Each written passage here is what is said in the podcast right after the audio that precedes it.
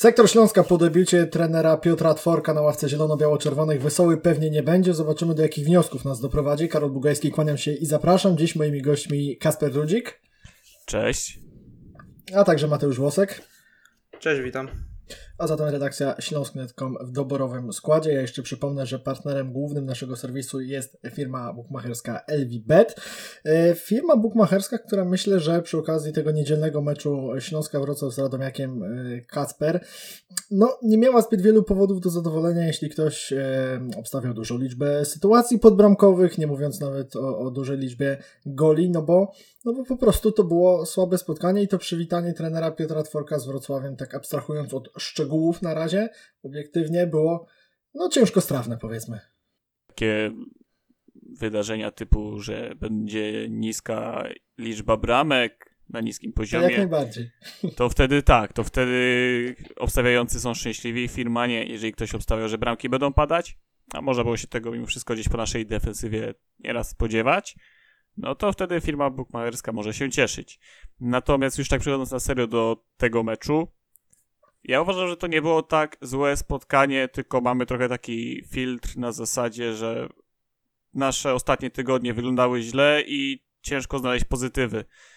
Ale kiedy spojrzymy tak ogólnie, jak ten obraz spotkania wyglądał, to okej, okay, 15 minut pierwsze wykonanie Radomiaka było intensywne, ale potem Śląsk przejął inicjatywę oczywiście trzeba dopracować pewne elementy jak dogranie piłki w pole karne, rozwiązania pewne ofensywne, też kilku zawodników musi złapać formę, ale uważam, że to był całkiem, no nie, może nie tak, to nie był dobry mecz, ale to jest jakiś dobry wstęp, aby gdzieś rozwijać tą historię teraz Piotra Tworka w Śląsku. Pojawił się Piotr Tworek, Mati, i pojawiły się obawy, nie wiem czy to jest odpowiednie słowo, ale takie wątpliwości yy, przy okazji tej czwartkowej konferencji prasowej, pierwszej nowego szkoleniowca na, na stadionie we Wrocławiu.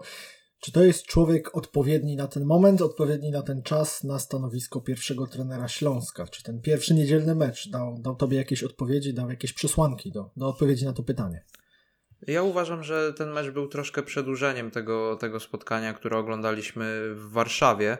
E, natomiast e, wydaje mi się, że było to przedłużenie, ale też odświeżenie ogólnie e, troszkę nastroi we wrocławskiej szatni, no bo przecież nowy trener miał zadziałać efekt nowej miotły. No szkoda, że nie potoczyło się to tak jak w przypadku Wisły Płocki i Pawola Stano, który przecież objął nawciarzy i zwyciężył z Jagiellonią 1 do 0. No myślałem, że, że postawimy postawimy na, na zwycięstwo i że, że uda nam się wygrać ten mecz, że, że postawimy wszystkie siły na to, żeby gdzieś tam e, przepchnąć, e, przepchnąć tego Radomiaka, e, mówiąc tak kolokwialnie. I, i nawet mieliśmy rzut karny, więc, więc byliśmy bardzo blisko gdzieś tam rzeczywiście zdobycia pełnej puli punktów i też jestem ciekawy, jak, jak wyglądałyby właśnie nastroje drużyny, jak to wszystko by wyglądało, gdyby nie był ten bezbramkowy remis. E, który myślę, że, że jest niezadowalający też dla całego sztabu, dla, dla całej ekipy, chociaż trzeba sobie powiedzieć, że przecież mieliśmy dużo szczęścia, furę szczęścia, bo, bo w końcówce, jeśli stracilibyśmy gola, no to wyobraźcie sobie, panowie, nastroje we Wrocławiu po debiucie nowego trenera i po przegranej. No jeszcze żaden Ślą trener Śląska od awansu do Ekstraklasy nie przegrał. E, także no byłoby nieciekawie, urwaliśmy się ze stryczka. Tak, no wspomniałeś Mati o tej Wiśle Płock, ale wydaje mi się, że kilka drużyn w tej kolejce walczących o utrzymanie i Zagłębie Lubin, i Legia Warszawa, i Warta Poznań, które wygrywały swoje mecze, Wisła Kraków, która była o włos od tej wygranej i tak się złożyło, że grała swoje spotkanie w tej 25. kolejce tuż po Śląsku, więc mieliśmy takie porównanie drużyn walczących o utrzymanie, grających przed własną publicznością otoczka, ten charakter, to jak bardzo im zależy. Może to są rzeczy nie do końca wymierzalne, może to są rzeczy y, subiektywne, natomiast no jednak y, Kasper, wracając, bo mieliśmy okazję być na, na tym spotkaniu we trójkę, wracając do domu, włączając sobie końcówkę meczu Wisła Kraków Lech Poznań, to było uderzające, jak Wiśle się chce, a jak temu Śląskowi, no nie chcę powiedzieć, że się nie chciało, no ale jak, jak nie wychodziło po prostu.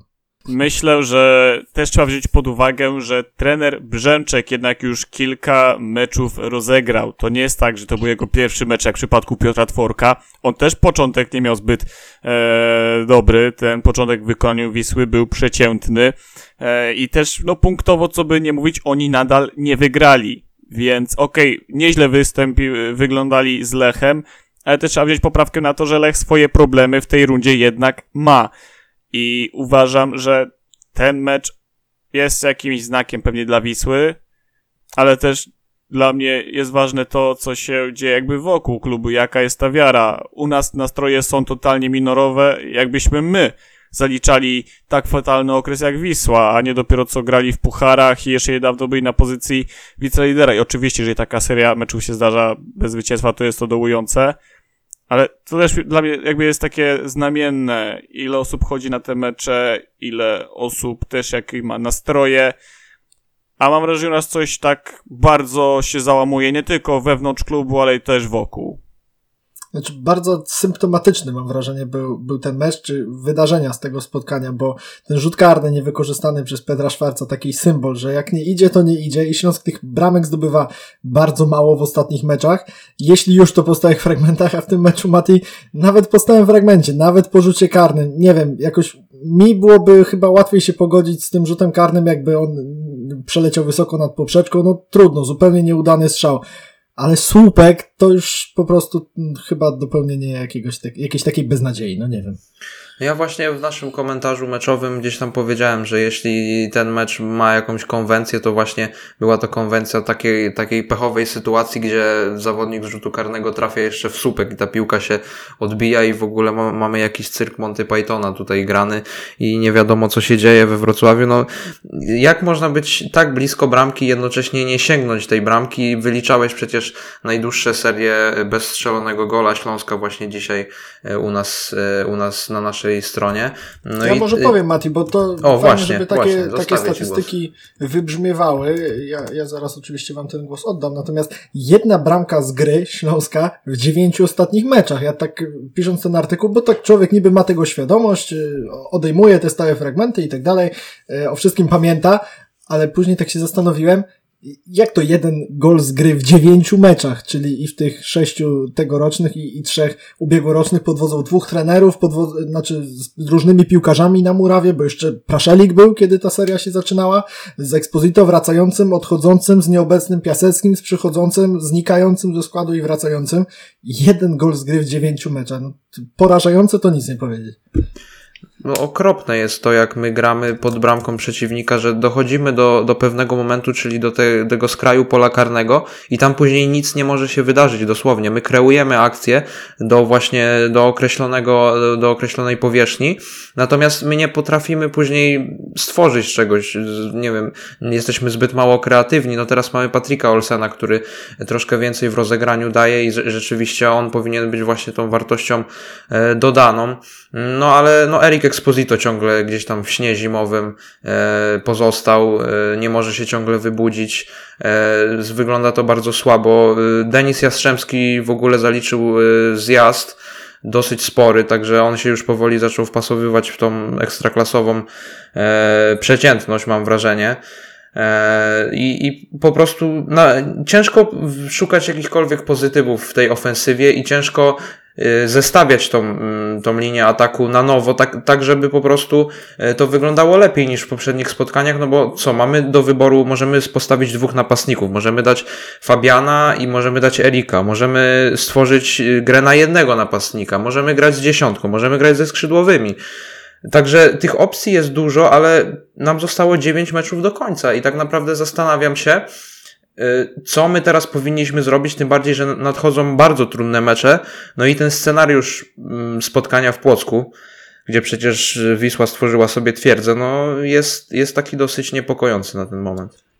No, to spotkanie niemal w samo południe w sobotę, to, to też jeszcze będzie pewnie wątek dzisiaj przy okazji naszej rozmowy, bo ja na przykład sobie patrzę w statystyki domowe Wisły Płock, ona wygrała 9 meczów u siebie, Śląsk ogółem przez cały sezon w Ekstraklasie wygrał 6, to, to tylko tak, żeby wiedzieć z jakim wyzwaniem się będziemy mierzyć dziennikarz z Radomia, Włodzimierz Łyżwa, dziennikarz Echa Dnia, z którym miałem okazję rozmawiać e, przed tym meczem, zadzwonił do mnie w poniedziałek. E, myślałem, że coś się dzieje, nie odebrałem w pierwszej chwili, myślałem, że coś źle napisałem, że ma jakieś pretensje, coś, a nie, później odzwaniam i on mówi, kurczę, ja nie wiedziałem, że ten Śląsk jest aż, aż taki słaby, co, co się dzieje? Wytłumacz mi, Karol, co, o co chodzi? No to to, to, to naprawdę myślę, kolejni rywale przekonują się o tym, że, że ze Śląskiem szukającym rozwiązań z jednej strony, no bo zmiana trenera, yy, próbowani kolejni piłkarze z tym Śląskiem permanentnie jest coś nie tak i, i nie widać jakiegoś tutaj pomysłu na, na szybkie wyjście z tej sytuacji. No, patrząc na to, na jak głęboki kryzys miał miejsce w Śląsku, to cudem myślę, że byłoby, aby przyszedł trener, który odmieni nagle aż tak grę, że z Radomiakiem będziemy dominowali, drużynę, która mimo swoich problemów jest w czołówce tabeli, a Śląsk jest na zupełnie innym miejscu. My jesteśmy naprawdę w bardzo głębokim kryzysie niestety i wyjście z niego nie jest łatwe. Natomiast, no, jak wspomniałem, pewne zalążki tych pozytywnych zmian są i myślę, że trzeba mieć naprawdę cierpliwość takich do dwóch, trzech najbliższych spotkań i one nam powiedzą, w którym kierunku to zmierza, tak? Nawet jeżeli gramy z Wisłą, potem z Lechem, z Wisłą Kraków wkrótce też. No, terminarz nie jest najłatwiejszy, ale my nie możemy się e, jakby patrzeć na terminarz, bo no dzisiaj pokazała to Stal Mielec, że czasem możesz mieć pół sytuacji i gdzieś tam powalczyć z tą pogonią, jeżeli to wykorzystasz, raczej z pogonią, przepraszam, z Rakowem, jeżeli to wykorzystasz, tak? Nawet jeżeli oni marnują swoje sytuacje. Śląsk dzisiaj musi się skupić wyłącznie na sobie, nie oglądać się ani za siebie, ani przed siebie. Robić to, co może, aby zgarniać punkty w kolejnych meczach. No ale właśnie też kontynuując ten wątek jeszcze, który już Kacper poruszył, no to to nie było wczoraj tak, że Radomiak nie był do, do ruszenia tak naprawdę, bo y, w pewnym momencie po przetrwaniu już tej husarii, te, tych ataków y, podopiecznych trenera Banasika, no to ja mam wrażenie, że, że Śląsk się po pierwsze obudził. Oglądaliśmy parę takich zrywów, gdzie tam chociażby Patrick Olsen na wślizgu próbował zamknąć akcję. Środek pola ogólnie zaczął funkcjonować. Tak, i środek pola funkcjonował świetnie, co pewnie jeszcze powiemy nieraz w, w tym naszym spotkaniu, bo naprawdę to wyglądało obiecująco. Fakt, że Waldemar Sobota gdzieś tam budził, yy, przepraszam, gubił się na skrzydle i fakt, że, że te driblingi nie zawsze mu wychodziły. No Patryk Janasik dostosował się y, swoją przeciętnością do tego, co wcześniej prezentował. Natomiast my się obudziliśmy i rzeczywiście było parę ciekawych akcji, jak chociażby ta wrzutka Garcia, gdzie, gdzie był później rzut karny na, na Eriku, że naprawdę ten Radomiak w pewnym momencie wyglądał, y, wyglądał słabo na naszym tle i mam wrażenie, że zupełnie tego nie wykorzystaliśmy. Właśnie, mówicie o tym środku pola, wymieniacie nazwisko Patryka Olsona. My, Mati, możemy się przy tym zatrzymać na wyraz, bo mam taki cytat trenera Piotra Tworka z pomeczowej konferencji prasowej, który mówi, że y, Patryk Olsen może wyrosnąć na lidera środka pola. Wiemy, że kiedy trener Śląska na pomeczowej konferencji y, mówi, że ktoś może być liderem, to czasami przynosi pecha, bo Szymon Lewkow też z ust Magiery y, słyszał o sobie podobne słowa, natomiast powiedzmy, załóżmy na potrzeby tej dyskusji i tej sytuacji, w której jest Śląsk, że tak być może i nawiążę też do jednego z pytań, które pojawiło się e, na, na Twitterze, kiedy zaprosiliśmy Was do zadawania właśnie pytań, podrzucenia wątków przed naszym dzisiejszym nagraniem. Kto może pomóc Olsenowi i stworzyć z nim kreatywny środek pola, a rozwijając to, czy właśnie poszukiwanie tej kreatywności w środku pola, to może jest ta nadzieja na bazie tego Olsena, której powinniśmy się teraz złapać przed tymi ostatnimi dziewięcioma meczami. Kasper, jak myślisz? No, to jest dla nas teraz kluczowy zawodnik. On może być kimś, kto, znaczy kimś na podobnej zasadzie jak e, Josue w Legii, który swoją jak indywidualną jakością prowadzi gdzieś tą drużynę do sukcesów, ale warto też zwrócić uwagę na to, że ta trójka, Mączyński, um, Schwarz i Olsen bardzo dobrze funkcjonowała. Oni złapali taką chemię. Miałem wrażenie, że Schwarz jakby nabrał trochę takiej pewności, że wchodził w te driblingi i on je wygrywał, pchał te akcje dalej. Bardzo szkoda tego niewykorzystanego karnego, bo to było, myślę, takim podsumowaniem dobrego występu, co też trzeba pamiętać, na to się zapowiadało po zimowych przygotowaniach, bo też Schwarz był jednym z najlepszych zawodników w każdym sparingu w barwach Śląska. Krzysztof Mączyński też gdzieś w oparciu o tego Olsena i Szwarca mógł spokojniej zająć się swoimi zadaniami i mieć to wsparcie też w rozegraniu. No, niestety, gdzieś myślę, że od środka możemy trochę odejść i patrzeć właśnie na boki, bo zabrakło prawego skrzydła, lewego skrzydła i wsparcia po prawej stronie, bo to myślę były kluczowe elementy, że ten mecz nam tak jednak nie do końca wyszedł. Co do tego Olsena, być może to jest przypadek, ale jest taka, taka statystyka, która świadczy o tym, że od kiedy Duńczyk jest w zespole trenera, najpierw Jacka Magiery, teraz Piotra Tworka, no to ta gra w środku poukładała się na tyle, że Śląsk przynajmniej nie traci już tyle bramek. Od kiedy gra Olsen, czyli od meczu z Zagłębiem, trzy spotkania, y, po Zagłębiu była Legia i teraz Radomiak, jeden stracony gol w tym czasie, a w, tylko w jednym meczu przed przyjściem Olsena z Piastem były trzy bramki stracone i to już w pierwszej połowie u siebie z zespołem trenera Waldemara Fornalika, więc chyba Mati no chociaż, chociaż to się poprawia, bo te czyste konta to nie była rzecz oczywista w ostatnich miesiącach. No tak, y, Patrick Olsen wprowadza dużo tego spokoju do gry i nawet jeśli nie jest to zauważalne za każdym razem, to on potrafi utrzymać się przy piłce chociażby jakimś tam e, bączkiem z tą piłką, czy jakimś efektownym zagraniem, zakręci się gdzieś w środku pola, no to zawsze daje dużo przestrzeni dla niektórych zawodników i nawet samo utrzymanie się przy tej piłce to jest bardzo dużo i myślę, że, że tutaj też e, ciekawe zestawienie chociażby z Danielem Łukasikiem, który wczoraj wszedł drużynie e, w drużynie Radomiaka i rzeczywiście pokazał, że też jest takim doświadczonym pomocnikiem, który potrafi przede wszystkim bić stałe fragmenty, a to przecież nasz środkowy pomocnik także potrafi zrobić, zawsze ustawiał się do tych rzutów rożnych, rzutów wolnych, e, także tutaj takie małe zestawienie e, narzuciło mi się właśnie e, z, z Łukasikiem, który zresztą no, stworzył dużo zagrożenia też przez te właśnie zagrania ze stojącej piłki. Natomiast jeśli chodzi o Olsena, to może być naprawdę zawodnik, który pociągnie tą drużynę, który wprowadzi właśnie więcej też ambicji w walce być może o, o te utrzymanie, nie być może już na pewno o utrzymanie. No panowie, no nie oszukujmy się, jesteśmy tuż nad kreską, tutaj trzeba e, nazywać rzeczy po imieniu i, i, i gdyby nie było Olsena, to moglibyśmy się naprawdę za, zastanawiać, jak ten środek by wyglądał, jakby funkcjonował. No, Schwarz rzeczywiście też odkopany gdzieś tam troszkę przez trenera Tworka e, i, i on w niektórych akcjach wyglądał to, co się dzieliliśmy gdzieś tam uwagami w przerwie, jak taki taran po prostu. Czasami trudno mu było zabrać piłkę nawet e, i pokazywał się w grze do przodu. E, no i, i po prostu to są te plusy, ten, ten środek, a, a o grze skrzydeł, no to może, może nie mówmy nic, bo, bo te skrzydła były fatalne. No właśnie, a jeśli chodzi o generalnie kształt ofensywy, o to jak ta ofensywa wygląda, no to przychodzi nam na myśl nazwisko Erika Exposito, które już tutaj się przewijało, bo to jest dosyć paradoksalne, że y, mimo wszystko można być zadowolonym z jednej jego akcji w tym niedzielnym meczu, bo wywalczył rzut karny. To mam wrażenie jakoś tak umyka już y, w ciągu tych kilkudziesięciu godzin dyskusji po tym spotkaniu. Natomiast Poza tym, no jednak to ciągle jest Erik nie taki jak wcześniej, to po pierwsze, to znaczy nie tak skuteczny, bo czeka na gola od y, początku listopada i wyliczamy mu też te, te serię minut bez gola, 652 minuty, to, to, to jest też naprawdę bardzo, y, bardzo symptomatyczne. No ale właśnie, brakuje Śląskowi tych goli strzelanych. To, że jeden gol z gry w dziewięciu ostatnich meczach to powiedzieliśmy, ale teraz, tu i teraz w tym momencie Śląsk ma też trzy kolejne spotkania bez żadnej zdobytej bramki. Już nawet te stałe fragmenty, które, które czasami działały jeszcze w końcówce rundy jesiennej. Był rzut wolny Adriana Łyszczarza w Zabrzu, był, był rzut e, rożny gol Szymona Lewkota w Grodzisku Wielkopolskim e, Kacper, no a, a, teraz nie ma, nie ma nic. No i jakie, jakie przewidywania? Czy ten Erik Exposito po prostu potrzebuje czasu na przykład?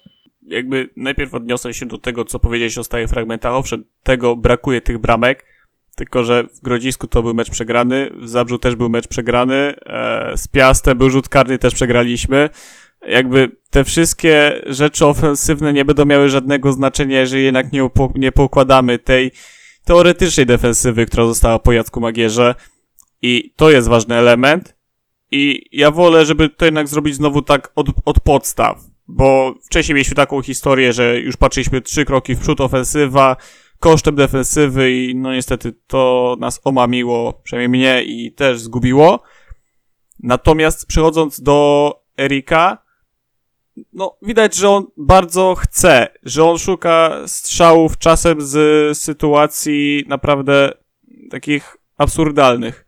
Natomiast e, też jednak on daje te elementy, bo poza wywalczonym rzutem karnym mógł mieć na przykład prawie że asystę do e, Garcia, gdzie tam dostrzegł i popisał się świetnym takim dośrodkowaniem, przerzutem tuż przed pole karne, e, znaczy tuż przed mniej więcej bramkę mm, z lewej strony tam zamykał Garcia, więc on też miał ten wpływ na grę.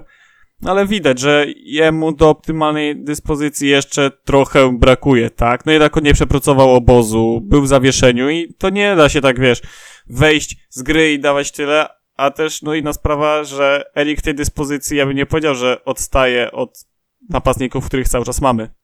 No, no właśnie, Mati, jak ty postrzegasz tą e, kwestię hmm, Erika Exposity i jego zmienników? No bo też trzeba zwrócić uwagę na to, że w pewnym momencie trener Tworek jednak wpuścił i e, Fabiana Piaseckiego, a potem jeszcze dorzucił mu e, Kaja Quintanę. No tak, Fabian nie mógł się totalnie odnaleźć w tej grze, mam wrażenie, którą prezentowaliśmy wczoraj. On tam próbował szarpać, miał taką jedną akcję w polu karnym, ale ale generalnie to był ten sam Fabian nieodmieniony, którego widzieliśmy w poprzednich meczach i, i tam się nic nie zmieniło na linii, na linii Exposito y, Piasecki. Po prostu jest ciągle ten marazm na pozycji napastników i ja nie wiem, czy Śląsk w tym momencie, y, już abstrahując chociażby od Stali Mielec, czy tam Jagiellonii, y, czy nie ma na, na pozycji napastnika właśnie największego bałaganu w tym momencie, no bo mamy zawodnika, który na jesień prezentował się bardzo dobrze, bardzo spadł teraz z formą, no i teraz tak naprawdę zastanawiamy się, zastanawiamy się co robić, bo nie mamy zawodnika, który potrafi kończyć akcję, mamy zawodników, którzy potrafią rozgrywać te akcje, rozprowadzać piłkę, no ale nic nie zrobimy bez tego, jak, jak nie będzie człowieka do wykończenia po prostu. Tylko zastanawiam się, czy nasi zawodnicy mają w ogóle jakiekolwiek akcje do wykończenia. A, to też jest Chyba myśl. tu no jest właśnie, problem. Zacznijmy, zacznijmy od początku. Tak, to prawda. To faktycznie jest, jest pewnie taki punkt, od którego powinniśmy wyjść. Natomiast ja chciałem też Wam zadać takie pytanie o Fabiana Piaseckiego, bo tutaj o nim mówicie, porównujecie go z Rikiem Exposito, ale podcast y, Sektor Śląska jest miejscem, w którym rozmawiamy sobie szczerze i przedstawiamy sprawy takie, jakimi one są. Czy Fabian Piasecki, jego postawa, to jak on podchodzi do meczu Śląska-Wrocław, to ile Śląskowi daje, a właściwie nie daje po wchodzeniu z ławki rezerwowych, Was nie irytuje? I czy Fabian Piasecki jest zawodnikiem, z którym trener Piotr powinien w ogóle wiązać e, większe nadzieje w kontekście walki, walki o utrzymanie? No bo wiadomo, jak to w jego głowie chyba też, bo o tym mówił trener Jacek Magiera przed meczem z Zagłębiem, wygląda. W głowie Fabiana Piaseckiego jest, jest Mielec, a, a Wrocław to jest może, e, nie wiem, w dowodzie osobistym, bo się tutaj urodził, a, a poza tym, no to o tym Śląsku chyba nie myśli. Mati, co ty na to? No to co powiedziałeś, on się świetnie czuł w Stali Mielec i to było widoczne po tym, jak, jak grał, jak zespół się do niego dostosowywał. W Śląsku on nie potrafił nigdy odnaleźć swojego miejsca, to był dobry napastnik jak na warunki pierwszoligowe i dobry napastnik, jeśli chodzi o takie drużyny pokroju właśnie e, Stali, gdzie... gdzie... Na bezpośrednią grę. Tak, na bezpośrednią grę i gdzie był jedną, jedyną postacią, wokół której budowało się całą ofensywę i można było na nim polegać, natomiast on tutaj jest trochę taki przygaszony, no y, widać, że, że to nie jest jego, jego miejsce, on potrafi gdzieś tam, y, próbuje się gdzieś tam znaleźć y, w tej ofensywie, próbuje coś zrobić, ale za dużo bierze na siebie, w pewnym momencie traci piłkę, próbuje też z partnerami współpracować, ale to w ogóle nie wychodzi w tym momencie i, i widać czasami takie, takie takie braki w komunikacji, tak jak było widać to wczoraj e, przy dwóch zagraniach Krzysztofa Mączyńskiego do, do Denisa Jastrzębskiego, gdzie tam po tym drugim zagraniu kapitan Śląska był po prostu wściekły, pokazał e, byłemu zawodnikowi Herty, jak ma się poruszać, natomiast e, ten w ogóle nawet nie zerwał się do zagrania, no i dużo też takich, to są momenty, mam wrażenie, w których obserwujemy taki ten właśnie teraźniejszy Śląsk, że zawodnicy nie potrafią dogadać się ze sobą nawet na boisku. Ta gra jest bardzo wolna, jest statyczna wręcz w pewnych momentach. I my tak naprawdę gotujemy się w tym własnym, takim skwaśniałym już sosie. No, chciałem to już tak ująć bardzo naturalistycznie i, i myślę, że, że bardziej się nie da. Nie da tego zrobić, bo jesteśmy drużyną, która obecnie gra jeden z gorszych futboli w ogóle w Ekstraklasie. Ale chciałem dorzucić jeden punkt optymizmu, Kacper, zanim Ci oddam głos w sprawie Piaseckiego. Y, mały powód do optymizmu jest taki, że Śląsk przed tą kolejką miał dwa punkty przewagi nad strefą spadkową, a po tym remisie z Radomiakiem, na który tak narzekamy, paradoksalnie powiększył tą przewagę do trzech punktów, chociaż jeszcze zobaczymy, co we wtorek zrobi Brookbetter Malika w Warszawie, bo jeżeli wygra, to znowu będą dwa oczka. Katper, denerwuje Cię Piasecki? Może nie tyle denerwuje, co rozczarowuje, bo ciężko mi się denerwować na kogoś, kogo nie znam. Nie wiem, jak on e, funkcjonuje wewnątrz tej szatni. że tak powiem, wódki z nim nie piłem, więc nie miałem szczerze okazji z nim porozmawiać na te tematy. Więc tak serio, no jest to rozczarowujące, bo spodziewałem się, że będzie to zawodnik, który okej, okay, może nie jest takim technikiem jak Exposito, nie jest takim driblerem, ale jednak będzie gdzieś w tej grze bardziej widoczny. A jak e, pojawia się, to mam wrażenie, że ta piłka gdzieś jednak mimo wszystko funkcjonuje obok niego. Brakuje tych pojedynków powietrznych. Owszem, da jeden, dwa jakieś akcenty pozytywne, ale no liczysz na więcej, tak? A od początku rundy to takie dobre zagrania można wymienić na tak naprawdę na palcach jednej ręki je zliczyć i to jest dla mnie najbardziej rozczarowujące jest obcym ciałem w Śląsku. Tak kiedyś chyba nasz redakcyjny kolega Kuba Luberda sformułował taką tezę, ja później zaproponowałem ją trenerowi Magierze na jednej z pomyczowych konferencji. On też nigdy e, o Piaseckim w jakichś superlatywach, jak wiemy, się nie wypowiadał. Ulubieńcem trenera Magiery, tak mi się wydaje, nie był też Adrian Łyszczarz, zawodnik, który robił dużo za kadencji już poprzedniego szkoleniowca Śląsko, żeby do wyjściowej jedenastki wskoczyć, zdobywał bramki, sprawdzał się jako joker. Przyszedł trener Piotr Tworek, Adrian Łyszczarz w 11 miejsca nie zyskał, natomiast był w niedzielę pierwszym rezerwowym i, i chciałem Was zapytać, Waszym zdaniem, jaka, jaka przyszłość takiego Adriana Łyszczarza e, czeka w Śląsku pod wodzą nowego szkoleniowca? To wejście w 55 minucie meczu z Radomiakiem? Krótko, szybko po przerwie, raczej jeśli nie po 45 minucie, to, to wydaje mi się, że około 60 zwykle się o zmianach myśli, e, a tutaj Waldemar Sobota dostał minut raptem 10. Adrian Łyszczarz będzie dla trenera Piotra Tworka y, postacią, którą łatwiej sobie wyobrazić w wyjściowej 11 niż, niż dla Jacka Magiery, Mati? To jest bardzo, bardzo trudne pytanie, mam wrażenie, ale pozytywem jest to, że Piotr Tworek na pewno zareagował szybko e, i, i zrobił te zmiany, bo widzieliśmy jak wyglądał Sobota, widzieliśmy jak wyglądał Jastrzębski i że te korekty się rzeczywiście pojawiły, no bo jakby nie robił nic, to, to rzeczywiście moglibyśmy mieć większe pretensje do, do trenera e, Tworka, ale jeśli chodzi o Adriana, to myślę, że on może dużo zyskać, ale to jest taki paradoks, bo my ciągle myśleliśmy, że ten zawodnik jeszcze za Jacka Magiery, że on będzie jedną, nie chcę powiedzieć, powiedzieć, że z kluczowych postaci, ale bardzo ważną postacią, wokół której gdzieś tam będzie ogniskowana ta gra ofensywna. No wiemy, że obaj panowie znali się wcześniej z reprezentacji młodzieżowej, e, że, że ta więź była dosyć mocna, że tak powiem.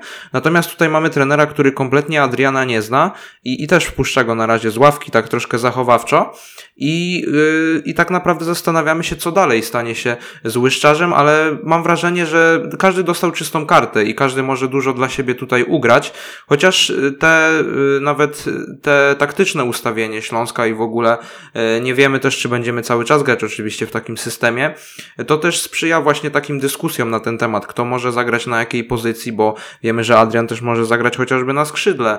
E, niekoniecznie tam, gdzie zawsze gra, czy na dziesiątce. Także to jest, jest dużo możliwości, które można podjąć i dużo, dużo możliwości, które Piotr Tworek może właśnie z tego zespołu gdzieś tam wycisnąć w ofensywie, tylko właśnie, żeby poukładać te klocki, żeby zdążyć właśnie z poukładaniem tych klocków, no, żeby liga nam po prostu nie uciekła.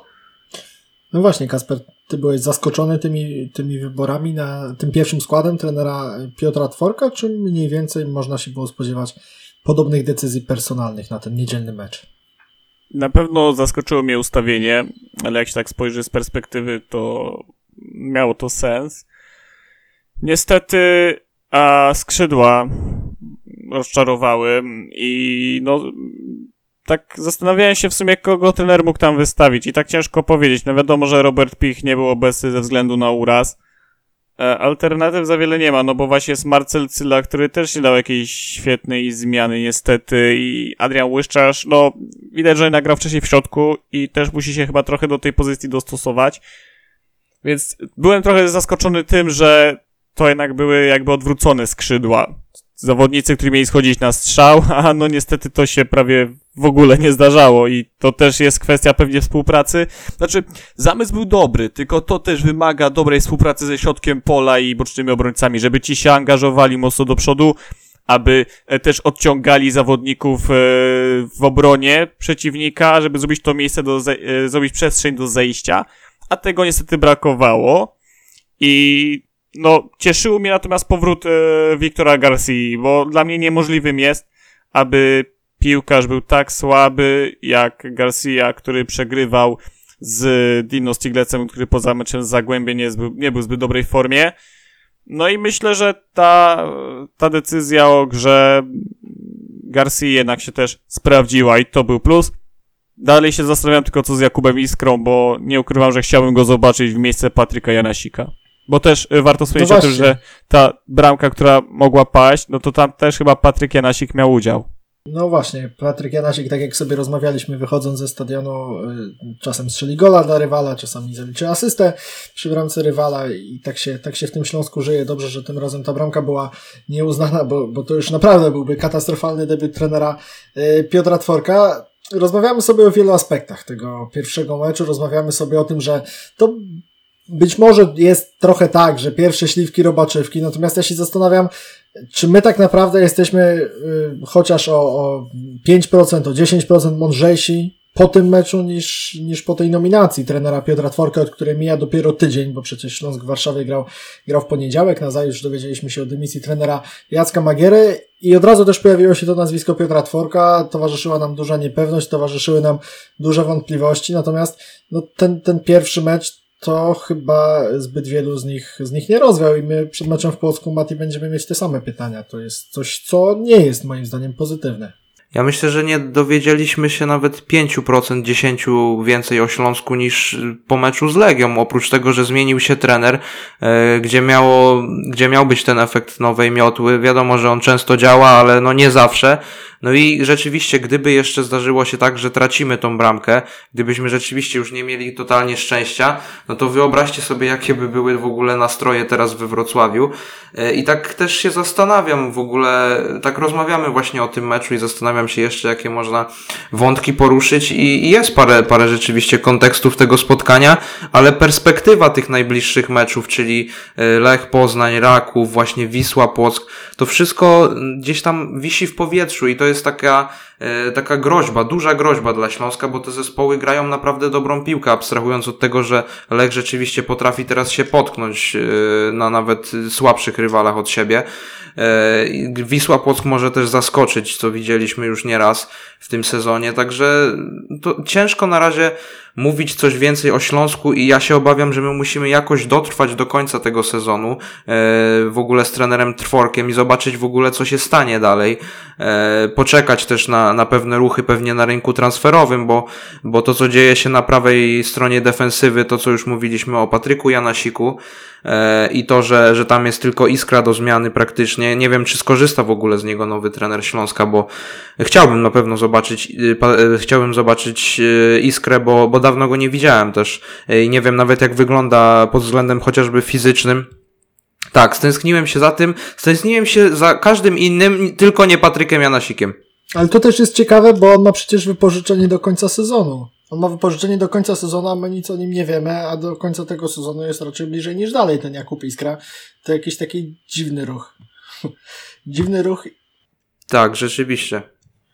Tak, ta sytuacja cały czas nie jest rozwiązana kompletnie z Jakubem Iskrą i też zastanawiamy się, co będzie dalej w ogóle, e, bo ta linia defensywy rzeczywiście spisała się też dobrze. Nie wiem, czy już wspominaliśmy, raczej nie, nie chwaliliśmy mocno, nie pompowaliśmy mocno Diogo Verdaski i, i, i Wojciecha Golli, bo oni wczoraj zagrali na zero z tyłu i uważam, że, że mieli duży wkład w to, że, że nic nie stało się groźniejszego pod bramką Wrocławian, chociaż te stałe fragmenty gry, to pamiętam, e, jak, jak komentowaliśmy to spotkanie, planie to przy, przy właśnie stałych fragmentach gry to tam zawsze mocniej się łapałem stolika, bo, bo nie wiedziałem, co się wydarzy w pewnym momencie, bo Daniel Łukasik potrafi, potrafi bić czy rzuty rożne, czy rzuty wolne i, i to zagrożenie było rzeczywiście duże, natomiast y, przede wszystkim wygrywane A pojedynki... stałe fragmenty to też cała drużyna. Tak, tak, oczywiście i to trzeba też poprawić. Mówił o tym trener na konferencji, że oni będą pewne rzeczy modyfikować, chociażby y, to, że nie wyszła ta, ta gra z odwróconymi skrzydłowymi i on o tym wie i wiedzą, że muszą to modyfikować, natomiast znamy pewnego człowieka, który mówił co tydzień, że żeby analizować pewne rzeczy, że my analizujemy, pracujemy, natomiast później wiadomo co z tego wynikało, serię meczów bez zwycięstwa, dziękuję, do widzenia. Pozdrawiamy trenera Jacka Magiera oczywiście w tym miejscu. Dziewięć meczów z rzędu bez wygranej, Kasper. No to już, tak zaczęliśmy od tych seriach, ale jeszcze przy jednej się zatrzymam, bo ona jest uderzająca o tyle, że Śląskowi coś takiego się nie zdarzyło od czterech lat. Sezon 17-18. Najpierw Jan Urban to zaczął, dwa pierwsze mecze, kolejnych siedem już na konto trenera Tadeusza Pawłowskiego i wtedy Śląsk był też, tak jak teraz, jedną z dwóch najdłużej niepokonanych drużyn y, w Ekstraklasie, wtedy, wtedy obok Sandecji, teraz obok Wisły Kraków cały czas, chociaż Wisła przecież była blisko przełamania w tej kolejce. Yy, trener Jacek Magiera, ja się przy nim czułem bezpieczniej niż z Piotrem Tworkiem i zajmę stanowisko teraz a propos zwolnienia trenera Jacka Magiery, bo mówiłem to już w wielu naszych podcastach, mówił to też pamiętam tydzień temu w takim programie specjalnym yy, na żywo po, po dymisji trenera Magiery Piotr Janas z Gazety Wrocławskiej, że jego zdaniem Śląsk by i tak nie spadł, że, że ta zmiana trenera może byłaby potrzebna w kontekście przyszłego sezonu, ale już nie tego a y, z trenerem Piotrem Tworkiem nawet nie chodzi mi o ten jeden mecz, chodzi mi o sam wybór tego szkoleniowca, no ja tracę poczucie bezpieczeństwa, nie wiem, Kasper, czy mi je przywrócisz, czy czujesz podobnie? A ja mam wręcz odwrotnie z tego powodu, że też patrzę w tym kontekście, w jakim celu trener Jacek Magiera przychodził, no to nam obiecywane było tak, że będzie futbol ofensywny, że będzie to nowoczesny futbol, że będziemy stawiać na młodzież, że jakby klub będzie się rozwijał. I okej, okay, ja przez długi czas też broniłem jakby trenera Magiery, bo uważam, że po pierwsze do jesieni no nie można było cokolwiek zrobić, no bo zbyt dobrze pracował wcześniej, żeby przez tą serię na końcu rundy to wszystko przekreślić. Opus wyglądał nieźle, więc zapowiadało się na to, że ta wiosna będzie jednak jakoś wyglądała. No ale niestety mecze z Zagłębiem i już, no ten z Legion dla mnie był takim symbolem, że tu już nie wiadomo, co się dzieje. Ja miałem takie wrażenie, że to tak było trwanie dla trwania, żeby może zdobyć właśnie punkt, a nie widziałem w tym opcji rozwoju, bo nie było w tym obiecanej piłki ofensywnej od długiego czasu. Młodzieżowców też nie było, bo zamiast nich zaczęli grać zawodnicy doświadczeni, którzy popełniali błędy, tak? Jakby nie widziałem nic co miał trener Magiera zrobić we Wrocławiu. A nie uważam, że właśnie, no niestety wrócę do tego Janasika, że Jakub Iskra mógłby wyglądać gorzej, a no miał udział przy tych bramkach. Że nawet ten Dino Stiglec, któremu kończy się kontrakt, który wiemy, że jest wolny, gra kosztem Wiktora Garcii i po jego stronie potem biegnie swobodnie sobie w szołek który wykorzystuje sytuację i strzela, a może gdyby był bardziej dynamiczny Garcia, może by to wyglądało inaczej. Jakby miałem wrażenie, że te pewne już decyzje przestają się w ogóle bronić, jest chaos i po prostu mam nadzieję, że trener Tworek to uporządkuje. Jak to będzie w dalszej perspektywie wyglądało?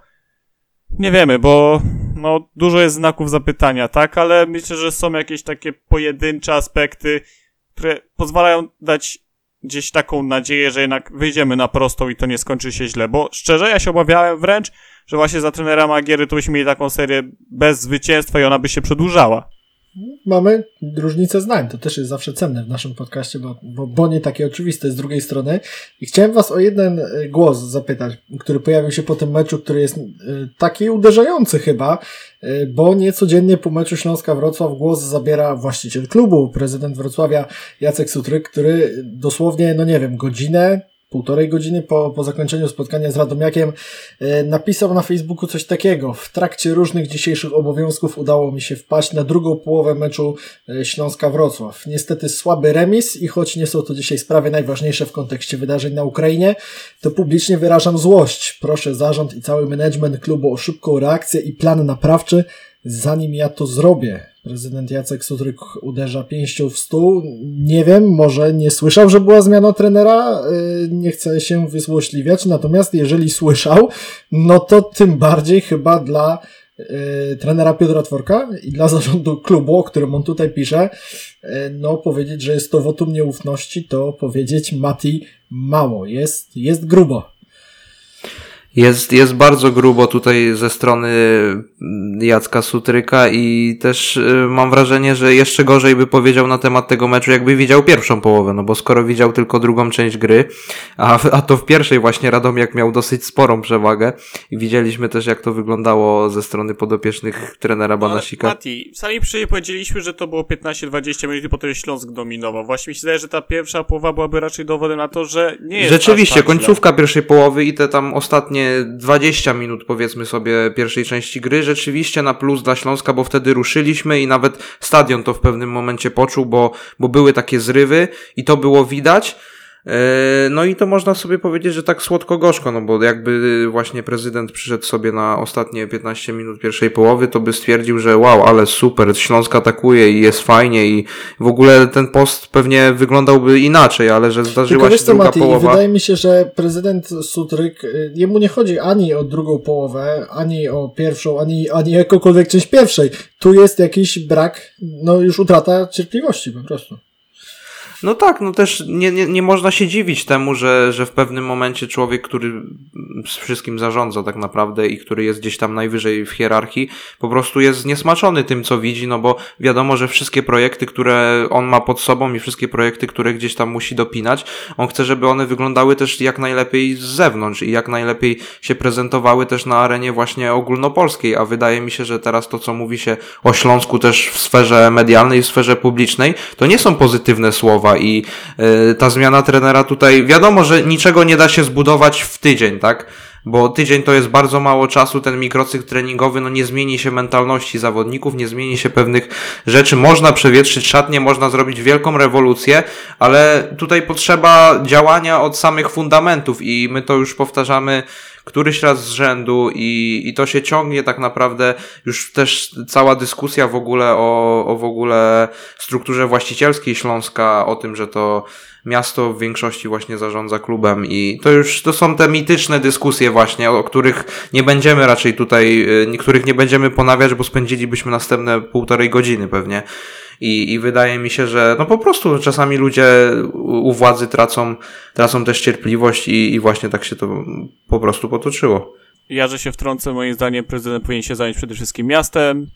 Eee, Śląsk niech zostawi ludziom, którzy jednak prowadzą, bo przez dwa lata wykonywali naprawdę dobrą pracę, nawet dłużej i było widać pewny ciąg logiczny pewnych działań. Oczywiście, że zostały popełnione błędy, bo Błędem było pewnie to, że tych zawodników jak Olsen czy Jastrzębski sprowadzono tak późno.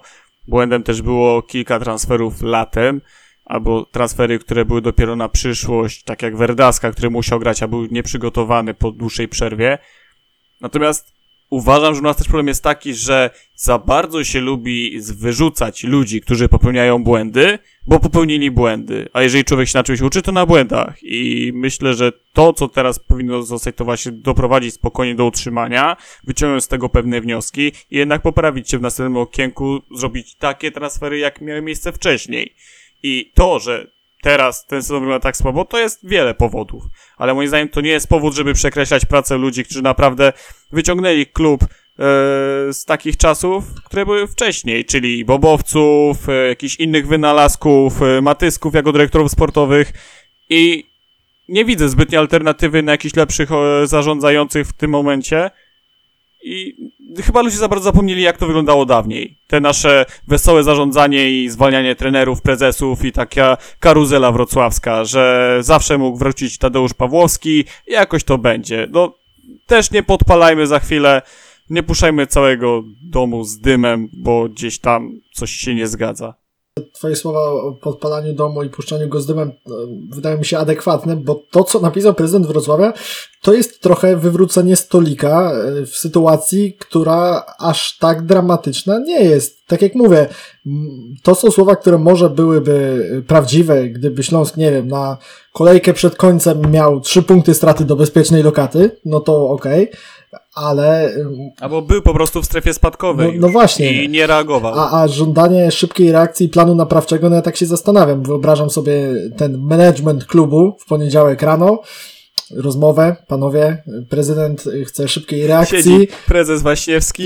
Tak, prezydent chce szybkiej reakcji i planu naprawczego. Jakby plan naprawczy, to rozumiem kilka punktów i co, co miałoby być tym pierwszym, bo ja rozumiem, że wcześniej czy później, jeśli chodzi o szybką reakcję na złe wyniki, jeśli chodzi o plan naprawczy, to dochodzimy do momentu nazwiska szkoleniowca. Nie mówię, że w pierwszej kolejności, ale w którejś. Ten szkoleniowiec właśnie się zmienił. Co, co można z dnia na dzień, poza liczeniem na nie wiem, większe szczęście niż yy, w sytuacji Pedra Szwarca, który trafia z rzutu karnego w słupek, co w 9 na 10 przypadków się nie zdarzy, a, w niedzielę się zdarzyło, no to, to co można teraz w tym momencie więcej zrobić, no? Ja myślę, że tam muszą napisać właśnie, że zdobędą parę punktów, się odbudują, latem transfery będą lepsze, dorzucić karmę dla kotka Wrocka i niech naprawdę prezydent się uspokuje, bo moim zdaniem to jest jakieś takie podpalanie pod publiczkę. Tak mogą pisać osoby, które są jakimiś kibicami z boku patrzącymi bez, jakby ze swoimi emocjami. Tak mogą pisać niektórzy, powiedzmy, hejterzy, którzy walą w osoby zarządzające, kiedy tylko się da.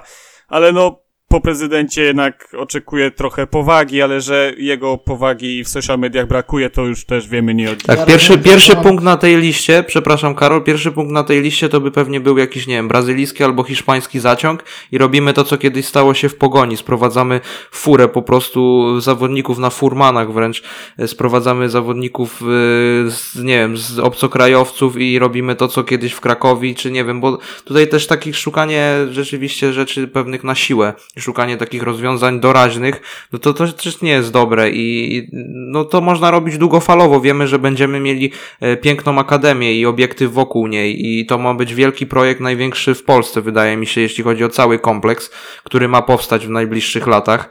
Jest na to ogromna dotacja i wiemy, że klub ma tym, na, na tym też mocno skorzystać, jeśli chodzi o wizerunek właśnie w całej Polsce i to, że, że w końcu będziemy mieli właśnie piękne obiekty dla młodych ludzi, którzy będą się tutaj rozwijać. Czego chcieć więcej? Jest piękny stadion, kibice co prawda nie przychodzą, wyniku. wyników nie ma. E, walczymy o Znaczy, utrzymanie. Wiesz, Mati, sorry ci przerwę. Natomiast ja bym jeszcze dodał tylko jedną rzecz. Oczywiście trener, znaczy w klubie nadal możliwości są, bo to pokazuje choćby teraz Legia, pokazała to też Termalika, zatrudniając zawodnika, który był wcześniej w Achmacie Groźnym. No niestety, ale też Ekstraklasa ma pewne możliwości reakcji w związku z tym, co się dzieje na wschodzie i zawodnikami też w Rosji. I myślę, że też jednak mimo wszystko warto spróbować jakoś tutaj to zrobić tak, aby dać jeszcze trochę jakości, krótko, nawet krótkoterminowo, ale jednak dać tej jakości Śląskowi. No ja się też zgadzam, znaczy zgadzam. Nie chcę mówić, czy się zgadzam z prezydentem, czy nie, natomiast rozumiem jego reakcję w sensie tego wpisu, o tyle, że on jest właścicielem klubu. No to nie wiem, to tak jakby profesor Filipiak e, zabranialibyśmy mu zabierania głosu w sprawie Krakowi. To nie są te same sytuacje, natomiast Natomiast to też, to też nie jest tak, że człowiek, który nie ma nic wspólnego z klubem o tym pisze, wręcz przeciwnie, on, on tym klubem zarządza, jest jego właścicielem. No i w końcu wszyscy wrocławianie z podatków ten Śląsk e, finansują, chociaż tak powiedzmy warszawocentryczne media co jakiś czas to odkrywają, że tak jest, no ale, ale tak faktycznie w Śląsku jest, więc więc takie, takie komunikaty też, też się pojawiają. Nie wiem, nie wiem, czy to jest potrzebne, no ale na pewno ciekawy smaczek tego, tego meczu i widzę, że wzbudziło to dużą dyskusję, więc, więc warto było na pewno o tym Chciałem, że tak porozmawiać. intensywnie reagował wobec prezesa MPK i jakby tego, jak no, idzie to rewolucja słynna i jak nasze MPK się sprawuje. To by mogło, żeby też było takie bardziej mobilizujące. Prezydent Jacek Sutryk nie przebiera w słowach w internetowym wpisie i oczekuje reakcji. To był, to był jeden z pierwszych e, ech meczu, powiedzmy nie do końca poprawnie, po tym, po tym co się wydarzyło w niedzielę, a wydarzyło się w sumie niedużo, bo 0 do 0 niewykorzystany rzut karny Petra Szwarca, e, debiut trenera Piotra Tworka na pewno nie z marzeń, e, nie wygrał swojego pierwszego meczu, tak jak dwaj poprzedni szkoleniowcy Śląska. Witesław Lawiczka wygrał z Zagłębiem Sosnowiec, a Jacek Magiera z Jagiellonią. Piotr Tworek z Radomiakiem tylko zremisował i Śląsk ma trzy punkty przewagi nad strefą spadkową po 25 rozegranych meczach. W sobotę o 12.30 mecz w Płocku, czyli no taki moment, który oddziela chłopców od mężczyzn, wydaje mi się, i zobaczymy, jak to będzie w zespole trenera Piotra Tworka już. E, To był sektor Śląska po remisie z Radomiakiem, a moimi gośćmi byli e, redaktorzy portalu śląsk.net.com Kacper Rudzik, Do usłyszenia, cześć. a także Mateusz Wocek. Dzięki bardzo, trzymajcie się. Dziękuję Wam panowie, dziękuję naszym słuchaczom. E, Słyszymy się e, po meczu w Płocku, potem przerwa na kadrę. Miejmy nadzieję, że w lepszych nastrojach niż dzisiaj i że te wydarzenia boiskowe też będą nas tak rozpalać jak wątki około meczowe, powiedzmy. Hej Śląsk!